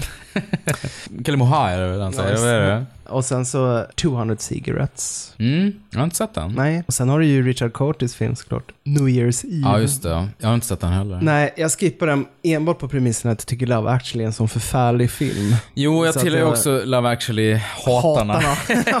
jag vet att många älskar Love actually. Jag Ja, tycker det den är är så väldigt jävla många faktiskt. lökig. Vi är i minoritet. Ja, vi är ju det. Och jag, jag vill inte dissa egentligen. Jag tycker det, jag avundas de som kan tycka den så fin. Ja, det hade varit skönt att Ja. ge sig därhän Ja. på det viset. Men varje gång den dyker upp på tv känner jag bara att den är så jävla irriterande. Den är så jävla Mm. halvbakad. Du har liksom fem, sex småstories som inte bär någonstans. Men trycker han ihop dem till en film och så förväntas det att vi ska köpa... Alltså det är fantastiska skådisar. Absolut. Men manus är ju Det är så risigt som jävla- fan. Ja, men den är så banal och mansgrisig och... Usch. oh. Jag behöver bara se Hugh Laurie dansa som premiär... Åh. Nej, nej, förlåt, Hugh Grant. så Hugh Grant, får ja. man bara rysningar. Eh, Jag hade en annan bull som var Strange Days, Bigelow. Den har vi Mm. Just det, snackat den har vi om. snackat Men om. där har vi ju liksom Det är millennieskiftet. verkligen millennieskiftet. Det är en spigga nyårsvibbar på den. Vi snackar bigga pengar här alltså. Mm. Boogie Nights skrev vi upp. Ja, just det. Den här scenen med William H. Macy, Macy, ja, när när han, han ja, skjuter först... ut, eh, utkräver sin hämnd. Exakt. Hans fru håller på ligger med en annan snubbe. Så Först skjuter han dem och sen går han... Ja, det är en hemsk scen verkligen. Ja. Gjorde en tagning också så här. Snyggt gjort av Paul Thomas Anderson. Gudfadern 2 är ju det här eh, Ja. Fredo-scenen på nyårsaftonscenen. Kyssan. Ja, precis. Jag råkar bara spoila den för min fru. Hon hade inte sett den filmen. Åh, nej. Hon höll på att messa sig. Jag kollar på Gudfadern 2 och jag bara så här så här, I know it was you Fred. Och hon bara, ja tack för det. nej, fan. Ja. Guldfeber, Chaplin. Mm. Just, det är ju på nyårsafton han sitter och är superfattig i sin stuga och har den här potatisdansen. Dansen, ja. ja. Mm. precis. Total misär. Där när han gör en poncho av sitt håliga lakan. Ja, just det. Mm. Den har ingen lag. Och sen Sunset Boulevard har vi den här lite Ja. tragiska Ja, ja, nyårsfesten.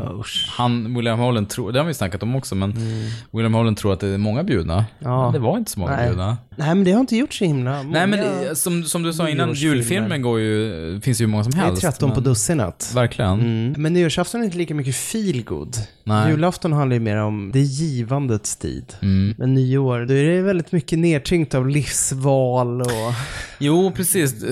Förment är det väl så att man bara ska tänka på hur man ska bli bättre. Men det Ja. ligger ju en total, ja, som förväntningsplikt och tyngd också. Mm, det ligger en blöt filt över nyår varit, på något sätt. du har varit fet hela året. Ja. Nästa år ska du börja träna Ja. och göra det och det och det. Allt ska bli bättre. Mm. Så, så blir det inte. Usch. Och nej, kanske mindre tacksamt att skriva någonting om. Snarare blir det som vi, de vi var inne på, att saker och ting kulminerar på nyårsafton.